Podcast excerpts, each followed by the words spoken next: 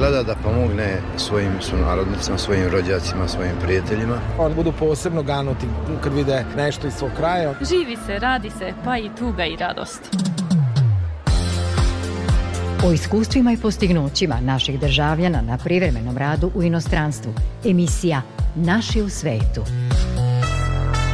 Dijaspora poziva Maticu, Matica odgovara dijaspori. Granice ne postoje u mislima brižnih. Emisija Naši u svetu.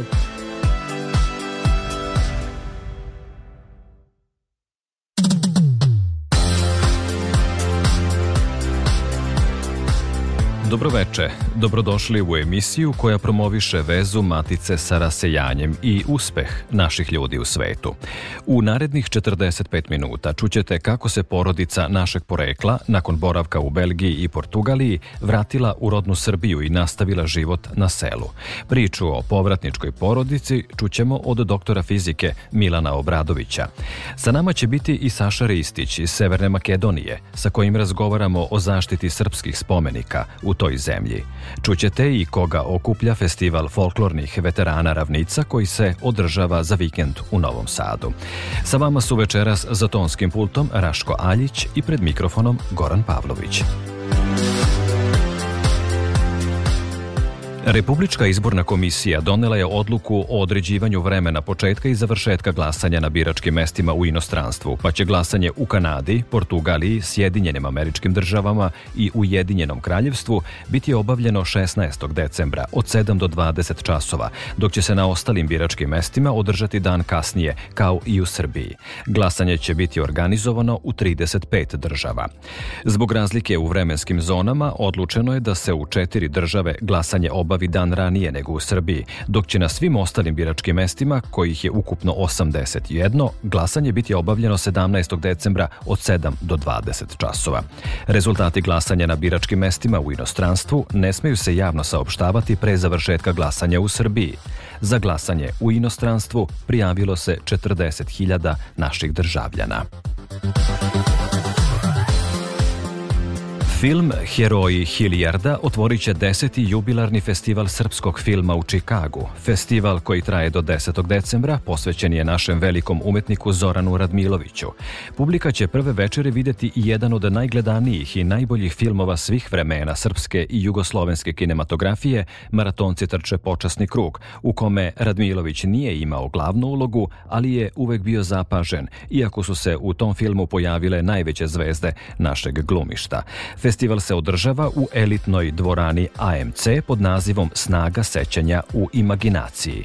Na festivalu u Čikagu se predstavljaju najbolji filmovi naših autora i smatra se najznačajnijim kulturnim događajem Srba u Americi. Vežu nas događaj, misli, kultura i tradicija. Emisija Naši u svetu – Mnogi naši ljudi koji iz ekonomskih razloga napuste Srbiju snađu se u drugim zemljama, ulažu u sebe i svoj prosperitet u nekoj drugoj sredini. Naši ljudi su veoma uspešni u svetu, o tim je postignućima emisija Naši u svetu često imala priče u terminu petkom od 19.5 na prvom programu Radio Novog Sada. U ovoj emisiji biće reči o jednoj povratničkoj porodici koja je nakon putešestvija po zemljama Evrope Evrope svoj mir i spokoj ipak našla u zemlji porekla. O svom iskustvu rada u inostranstvu i povratka u Maticu u okolinu Valjeva pričat će nam doktor fizike Milan Obradović. On je sada na telefonskoj liniji. Dobrodošli na talase našeg radija, Milane. E, hvala vam na pozivu. Nakon boravka u inostranstvu vratili ste se u rodnu zemlju i počeli da se bavite poljoprivredom. Nastavnik ste i u srednjoj školi u Lajkovcu gde predajete fiziku. Kako se dogodio odlazak u inostranstvo prvo u Belgiju, a potom u Portugaliju? Pa kao što ste rekli, znači pomenuli ste kao ekonomske prilike, međutim kod mene nije ipak bilo ekonomske prilike koliko želja da a, malo upoznam svet, što se kaže, i onda sam otišao na, mogo sam naravno da upišem doktorat i u Srbiji, ali po završetku elektrotehničkog fakulteta konkurisao sam na neka mesta u, u, u, po Evropi, nisam htio u Ameriku da idem baš daleko i tako sam prosto na razgovor pozvan u Belgiju, katolički univerzitet Luven i tamo ovaj, otišao na istraživanje, dakle radio sam kao istraživač i doktorirao tamo, to je osnovni razlog. Kako se dogodila Portugalija kasnije? Vratili smo se u Srbiju, u međuvremenu radio sam isto u prosveti i konkurisao sam za istraživački rad, takozvani postdoktorski na neka mesta i prosto konkurisao sam i u Međunarodnoj laboratoriji za nanotehnologiju u Portugaliji, dakle ima tri međunarodne organizacije, ta INL, u Heidelbergu za molekularnu, molekularnu biologiju i ono što svima poznati CERN. Tako da, da sam prihvatio tih dve godine postdoktorskog rada u Portugaliji i opet uh, upoznao sam i taj kraj sveta zajedno sa porodicom i um, umeđu vremenu smo se i uveličavali što se kaže i uh, prosto povratak posle, posle toga mogli smo da ostanemo od Portugalija kao mnogim slušalcima verovatno dosta egzotična zemlja deluje, ja mislim i jeste, ali često ne vidimo da je naša rođena zemlja veoma egzotična, znači ne vidimo pred nama, tako da smo mi iz tih razloga se potom i vratili u Srbiju.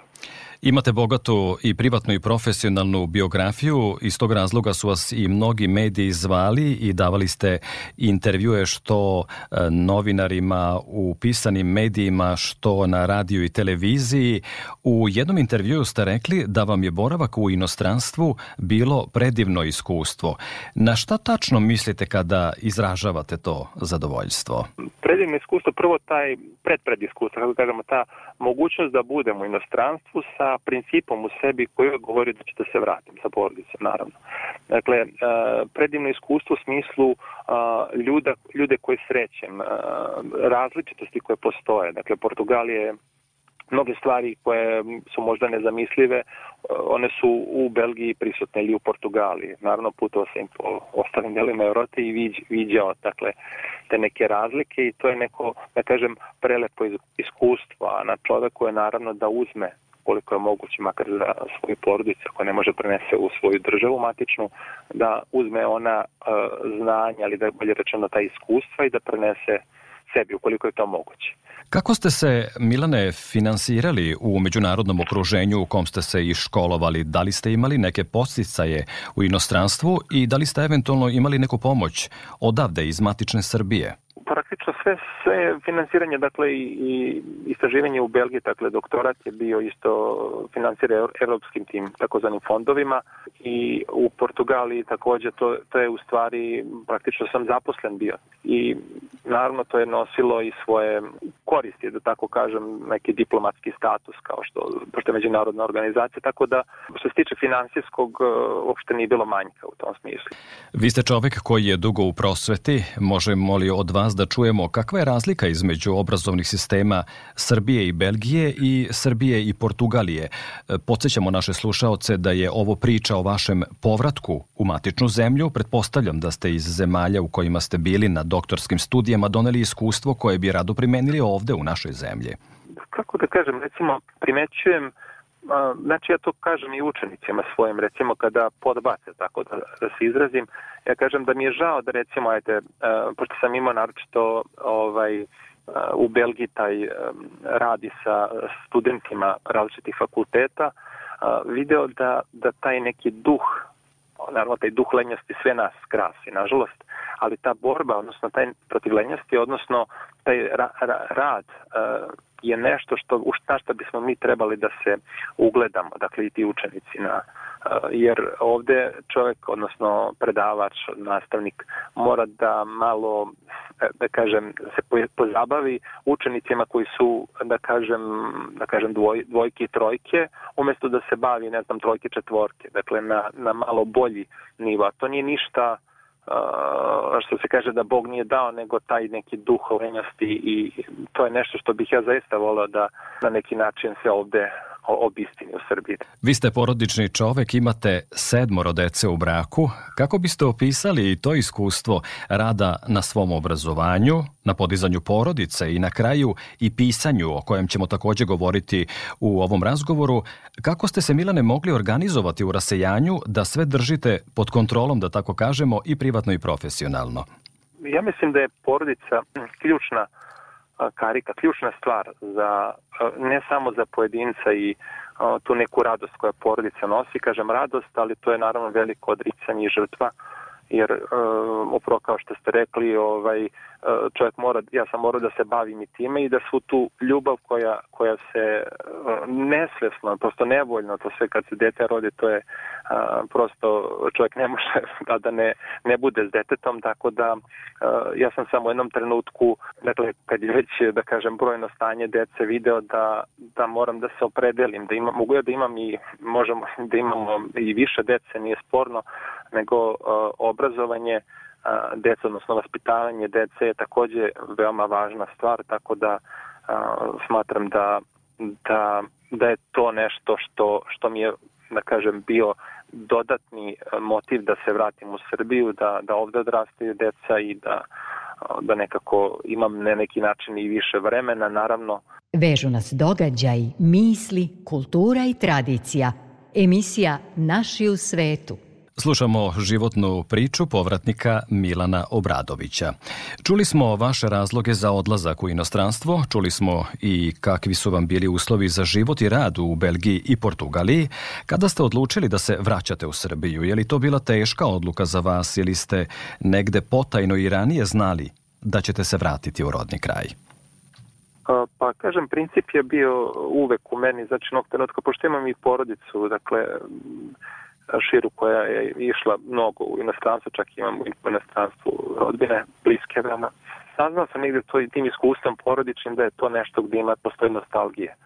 A, I uprkos tome što materijalni položaj takvih ljudi je na višoj ravni, a, meni je uvek bio neki taj princip da ću da se vratim, da neka ne, nešto to nije govorilo u srcu, tako da sam onog trenutka kad sam otišao u Belgiju rekao da neću uopšte da e, nikakvu vrstu e, računanja da li ću da ostanem ili da se vratim, znači vratit ću se i govorio sam sebi neću da se vratim u penziji, znate, da se vratim u penziji, pitanje da li ću i doživeti, mislim da će Bog da ću doživeti, ali kažem, ono, e, život je sada u tom nekom smislu, tako da sam ja htio da imam iskustvo boravka u inostranstvu, naravno nova kultura se upozna, novi ljudi, naravno žena eh, ovaj, takođe je bila saglasna sa tim da se vratimo, tako ne saglasna, nego još i više želela nego ja, ovaj, tako da smo se to vratili. Da podsjetim, vi ste doktor fizike. Da li ste kao nastavnik fizike i drugih stručnih predmeta u srednjoj školi u Lajkovcu uspeli i da primenite obrazovnu praksu stečenu u zemljama Zapada? Da li primetite neke nedostatke u našem sistemu, čim bismo menjanjem, na primjer, stigli do nekih boljih rezultata u edukaciji učenika? To je dosta složena pitanja, ali recimo ono što ja mogu da primenim je svakako taj neki, da kažem, to iskustvo, dakle naučno i u radu sa, u radu sa sa decom i studentima i, i pretpostavljam da mi mnogo pomaže to što sam imao međunarodno iskustvo u smislu da neke stvari možda mogu malo bolje da sagledam u tom nekom smislu. Napomenuo sam na početku našeg razgovora da, da neke, neke stvari zaista bih volio da, se, da su moguće Srbiji kao što je ta radna atmosfera i želja da se taj duh savlađivanja nekih veština i znanja da bude jači. Ipak mislim da, što ne bih samo da kažem pozitivnu stranu zapada, nego i da kažem tu neko malo negativno, jer nije sve u tim veštinama, to i govorim deci da učenika, učenicima, više to nisu ni deca, mislim, imaju 17 godina, da, da pored veština razvijaju vrline.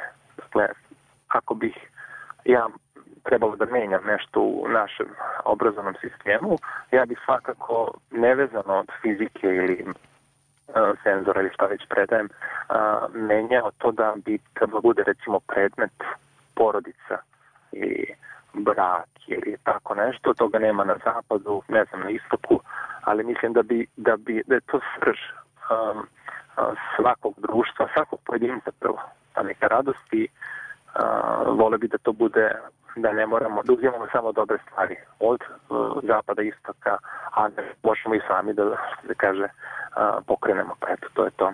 Rekli smo da ste i pisac, napisali ste knjigu Među moravama put, koju opisujete kao putopisnu poemu začinjenu istorijskim trenucima.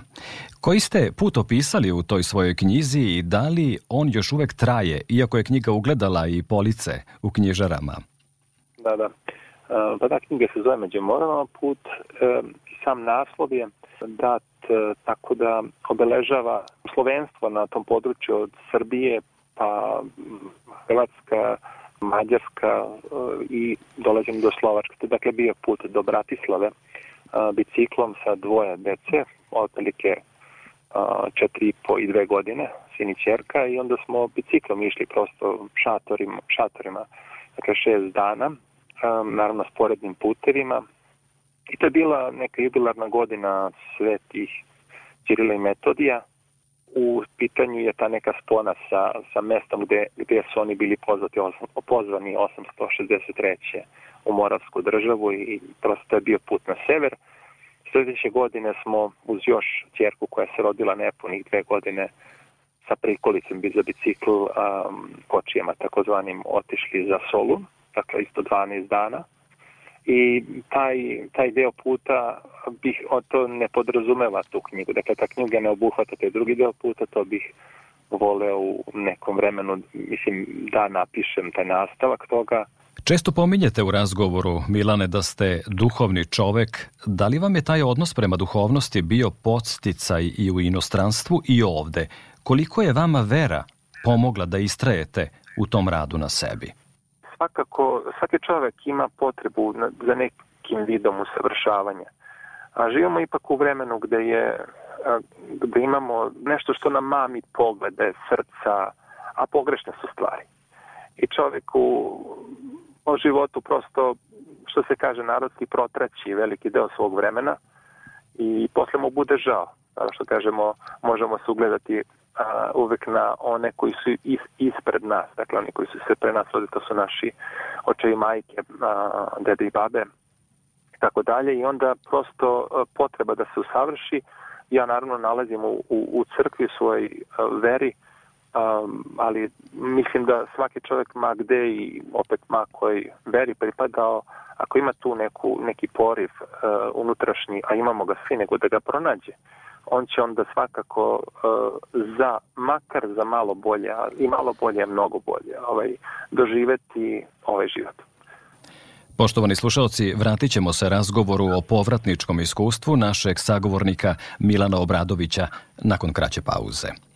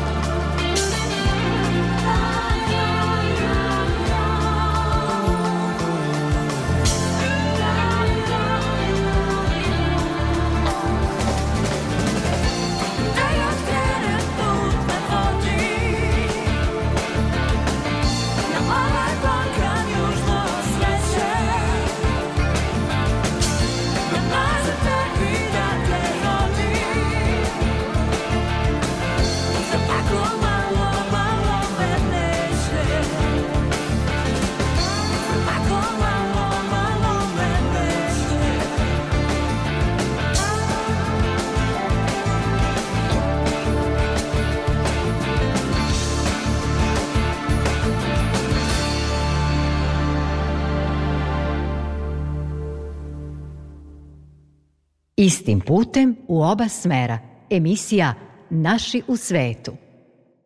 Sa nama je i dalje Milan Obradović, povratnik iz Belgije i Portugalije.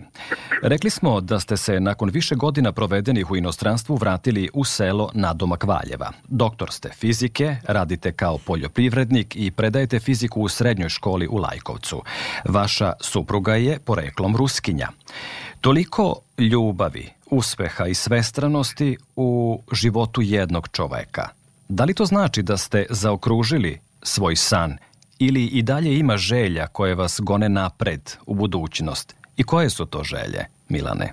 Pa ja ne mogu da kažem da sam uspešan, ali sam a, zahvalan Bogu što, što se sve to zbilo, što se zbilo, da kažem, u mom životu, što mi je dao prilike da vidim nešto više, što mi je povrh svega dao neku tu energiju da, da idem ka napred. To mi je mnogo pomoglo, naravno, i, da kažem, vaspitanje mojih roditelja, koji su prosvetni radnici i a, nastavnici sporta, dakle ta neka veza s prirodom, to je i sigurno doprinala značajno. Želja, da, to je, kako da kažem, deca se rađaju i, i naravno svako dete traži svoju pažnju, naravno mnogo je lakše kad je veći broj dece, ali... Kako to ovaj, mislite mnogo je lakše kada je veći broj dece? Ako čovjek ima jedno dete, ono, ono dobija sve, nažalost, i onda poste, postane mnogo teško odlučiti se za drugo dete. Onda opet postane i tu neka greščica i onda no, tu se stane. A recimo kada čovjek ima troje, četvoro dece samo, praktično de, i naravno uz dobro i koliko, koliko je moguće bolje vaspitanje, a, a, dete, dete su sama sebi dovoljno, znači dobro se mogu organizovati, toliko lakše. Volimo da slušamo o navikama drugih ljudi u državama u kojima mnogi od nas e, nisu bili. Kako biste opisali Portugalce i Belgijance kroz odnos prema recimo školi, porodici koju često pominjete, prema poslu ili religiji? Recimo, Belgijance bi opisao kao ljude koji e, ne zatiru svoju prošlost. Dakle, univerzitet na koji sam išao se zove katolički univerzitet, iako nema velike veze s tim, ali oni su zadržali to. Svaki, svaka učenica, svaki amfiteatar, skoro svaki stoji krst. Dakle, mi smo to kroz, ovaj da kažem, ekipo imali jedno, pa drugo, pa prvo i tako dalje. To je recimo, što se tiče ljudi, organizovani su dosta belgijanci odnosno na nas a opet Belgijanci mi priznali, tada su mi priznavali, ono, odmah nisam ni pominjao da su Nemci još organizovani. Sreto sam mnogo Kineza sa kojima sam radio, oni su izuzetno radni, na 25 časova rade od 24, a Portugalci, oni su dosta slični nama, nama Srbima, južnjacima, kako kažem, e, i imaju dosta toga da se vole da se druže i Što se tiče odnosa prema deci, da kažem, Belgijanci su na prvu loptu, što bi se reklo, malo hladni, međutim veoma prijatni ljudi kad se upoznaju, a Portugalci su za nešto više ekstrovertni od nas, znači oni ne kriju radost i takvi su. Najviše naših ljudi u svetu ima u državama Evropske unije, u Americi i Kanadi.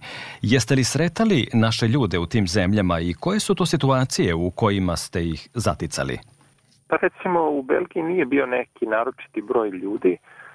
Sticam okolnosti išao sam i u Austriju, tamo sam, ali je poznato svima koliko ima naših ljudi, ali kad sam došao u Belgiju, um, ono sretanje jednog čoveka ne znam, sretanje Mađara, osetio sam se kao da, da, je neko, da je neko od nas tako došao ili kad sretnem e, Rumuna isto tako, znači ne je bliskost. Onda se desi jedno mesečno sretnem Srbina, znači to je bivalo u Belgiji.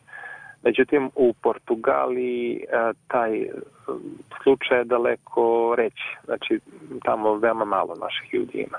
Tek negde pred krajem moj borav, mog boravka u Belgiji, e, baš u Belgiji, ovaj, pojavilo se neko društvo koje je okupljalo ljude koji su, koji su iz Srbije. Rekli ste u jednom intervjuu da mali broj naših ljudi želi da ide na selo. Znamo da na selu uvek ima posla i da radno vreme traje praktično koliko je čovek i budan. Bili ste u evropskim obrazovnim centrima, radili u prestižnim laboratorijama, putovali po Balkanu.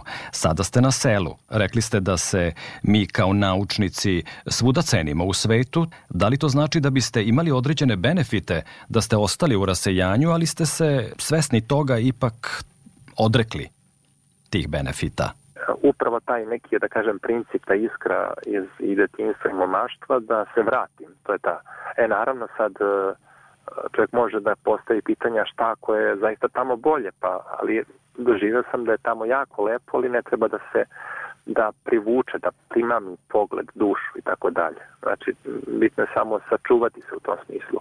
A o, povratak u selo, ona, ona ima, ja mogu kroz svoje iskustvo možda podelim sa slušalcima, ja znam taj život ravničarski, on je jedna vrsta selska, selska sredina u ravničarskom kraju, a ovo je posebno druga, znači u brdsko-planinskom i čovek u, e, na selu će svaki razumeti, taj u ravničarskom kraju i ovaj u brdskom, da je spona sa prirodom, spona sa životinjama, biljkama, sa opet rizikom i, i zasadi čovek drveće pojede srna ili razumete u tom smislu uvek je neki rizik ali svaki uspeh donosi radost. I ako se uspostavi on, glavni neki cilj a, a, naše porodice cilj porodice dakle i deca žena, otac, majka, deca, onda je svakako boravak na selu nešto što ih može samo dodatno ili mnogo više oplemeniti. Kad smo došli, a to je već nepune četiri godine, trudio sam se da što više radim. A sad sam već shvatio da napravio neku ravnotežu, da nije sve ni do rada. Dakle, ono kinesko 25 od 24 časa, nego da našli, sam, našli smo neku ravnotežu da neka čak i čeka ako treba, porodice bitnija, tako da um, to je to. Hvala što ste bili moj sagovornik i zahvaljujem na vašem vremenu i iskustvu koje ste na neki način posvetili i našim slušaocima. Verujem da mnogi imaju potajne snove o budućnosti koje ste vi u životu ostvarili, Milane. Hvala vam na, na pozivu i bilo mi je zadovoljstvo. U večerašnjoj povratničkoj priči sa nama je bio naučnik, nastavnik, pisac i poljoprivrednik Milan Obradović, koji je nakon boravka u Belgiji i Portugaliji život sa porodicom nastavio u Srbiji.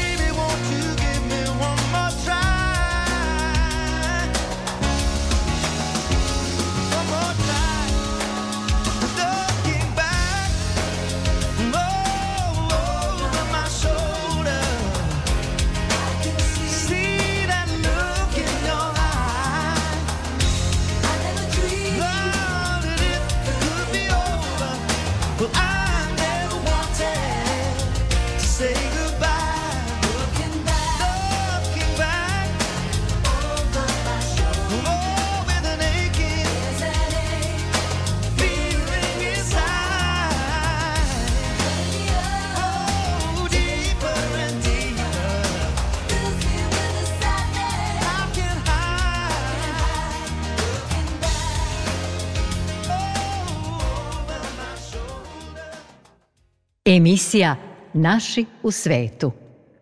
Više od 20 godina u Severnoj Makedoniji aktivno je društvo za zaštitu srpskih spomenika, koje u saradnji sa institucijama u Matici, ali i u Severnoj Makedoniji, čuva sećanje na sve ljude našeg porekla koji su živeli i stradali na teritoriji te nekadašnje Jugoslovenske republike. Prilog o aktivnostima tog društva pripremile su koleginice Jelena Malenkova i Jelena Bocinova iz Makedonske radiotelevizije.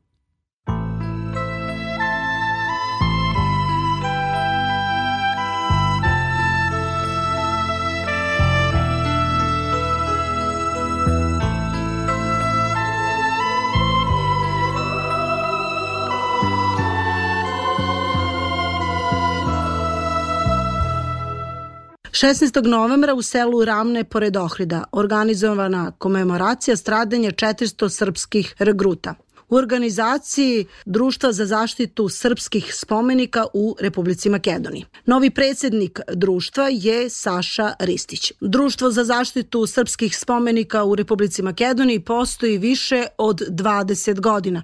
Prema rečima novog predsednika Saše Ristića očekuju se bolji rezultati u narednom periodu. Gospodine Ristiću, znači 16. novembra da kažemo da je bio Đurđic, da je bila Slava, taj datum će i dalje biti za održavanje komemoracije. Šta se desilo tamo 1915. godine? Tako je. 1915. godine u, negde kod Svetog Nauma bili su zarobljeni e, džaci, mislim, regruti, mislim, goloruki bez naoružanja i dovedeni u atoru sela Ravne kod crkve Svetog Atanasije i tu svirepo i ubijeni. Tadašnji e, mitropolit e, zajedno sa, sa vojskom e, napravili su spomenik, spomen kosturnice ili jedan veliki grob gde su sve kosti tih džaka u atoru jedne bazilike od e, četvrtog ili petog veka. Spomenik je idejno rešenje poznatog srpskog arhitekte Momira Korunovića, bio u Belom mermeru, srušenje. Jeste. E, nakon e, zločinačkog poduhvata od 41. godine sa početkom rata, taj spomenik je porušen. Kao i ostali spomenici koji su u Makedoniji od Zabrenjaka do Kučkovo i u Štipu ostale spomen kosturnice, tako i ova spomen kosturnica bila porušena. Taj spomenik je bio visok 11 metara, napravljen od belog mermena sa pletvara. Na komemoraciji su bili e, dosta udruženja, tu je bio i Vojni sindikat e, Srbije, udruženje Koštana iz Okrida, Branko Čajka iz Tetovo, Pretpostavljam da će u vašim aktivnostima vašeg udruženja ovo biti jedna tradicionalna Tako aktivnost. Je. Ovaj spomenik treba da bude mesto gde je mesto pomirenja. Ova grobnica, faktički 400 džaka, treba da bude mesto pomirenja svih naroda i narodnosti. Vama je pomogla vojna delegacija Srbije da se tu postavi jedna spomen ploča, koliko toliko da se obeleži mesto stradanja, da se locira. Ploča je uništena. U kakvom stanju je sada? Sada je ta ploča očišćena, znači sklonjeno ono što je pisano, nas su podržali i opština Ohrid. Hoću da kažem da ovo ne treba da bude nikakav politički motivisan provokacije i sve ostalo, treba da shvatimo jednom, ovde su deca, bez razlike koje veroispovesti su i da mi tu treba da dolazimo i da tražimo oprost od njih i da obeležavamo taj zločin, da se nikad, nikad ne ponovi ovde na Balkanu ili bilo gde u svetu. A, mi smo podnali zahtev da se upiše u, u spomenike za obnavljanje kod opština Ohrid. Taj proces je već započet. Nadamo se da ćemo dokumentacijski da završimo u toku 24. da bi, mislim, taj spomenik obnovili do 2025. kad je 100 godina od kad je taj spomenik prvi put postavljen i osvećen od strane Nikolaja Velimirovića. Gospodin Ristić, ovo udruženje postoji 20 godina.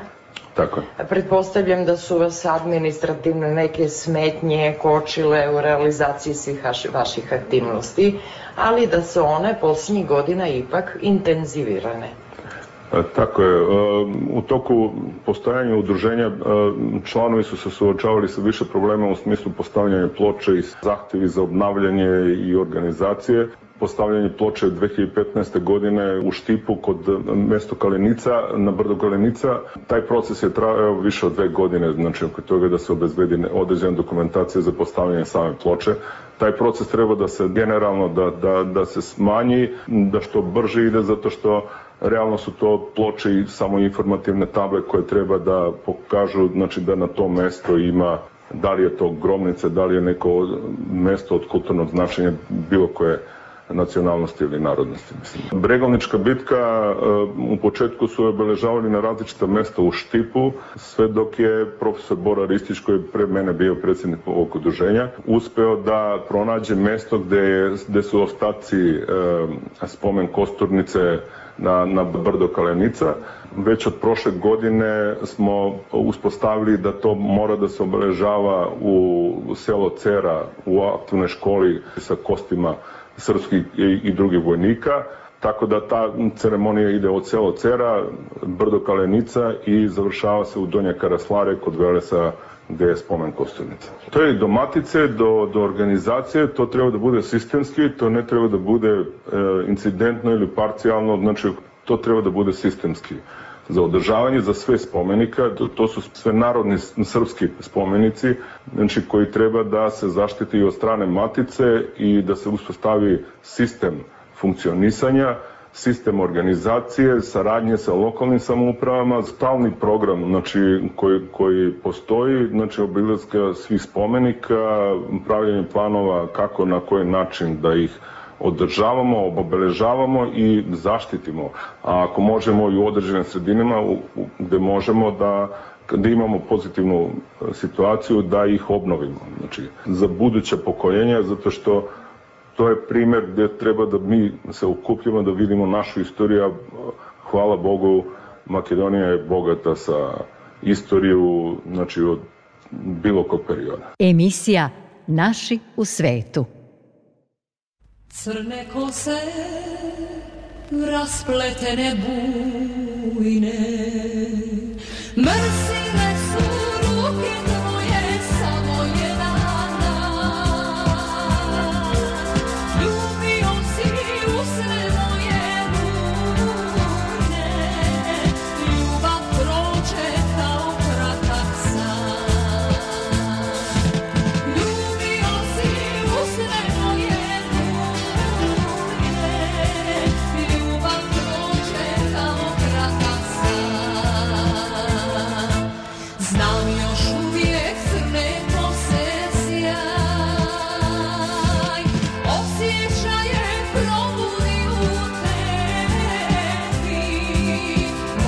Neko se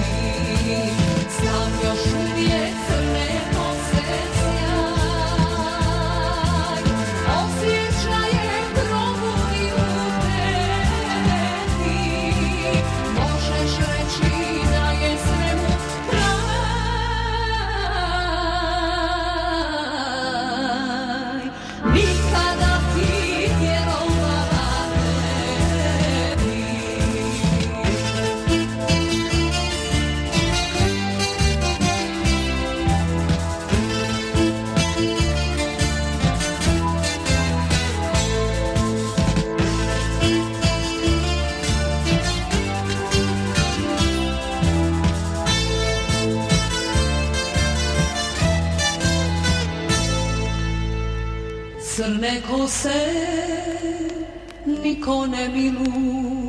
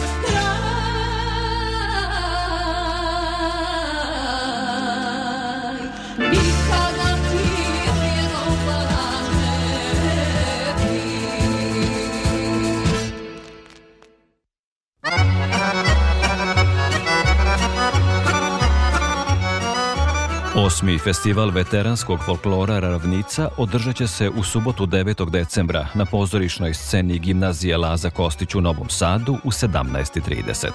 Veteranski festival folklora Ravnica u organizaciji Kulturno-umetničkog društva NERA pod pokroviteljstvom Gradske uprave za kulturu Novog Sada već tradicionalno okuplja kulturno-umetnička društva iz svih krajeva Srbije i regiona, ali i dijaspore. Cilj festivala je negovanje i promovisanje kulture i tradicije Srbije pesmom, igrom, muzikom i nošnjom. Da podsjetimo, sutra, 9. decembra u 17.30 u gimnaziji Laza Kostić u Novom Sadu očekuju vas folkloraši Srbije i dijaspore. Ukoliko ste večeras nešto propustili u ovoj emisiji, možete nas slušati i odloženo na internet stranici rtv.rs u opciji Odloženo slušanje. Sve dodatne informacije o emisiji potražite na Facebook stranici Naši u svetu RTV. Kontaktirajte nas ukoliko želite da sa našim slušaocima podelite nečiji uspeh u dijaspori. Rado o tome govorimo svakog petka od 19.05. Do narednog slušanja želimo vam svako dobro.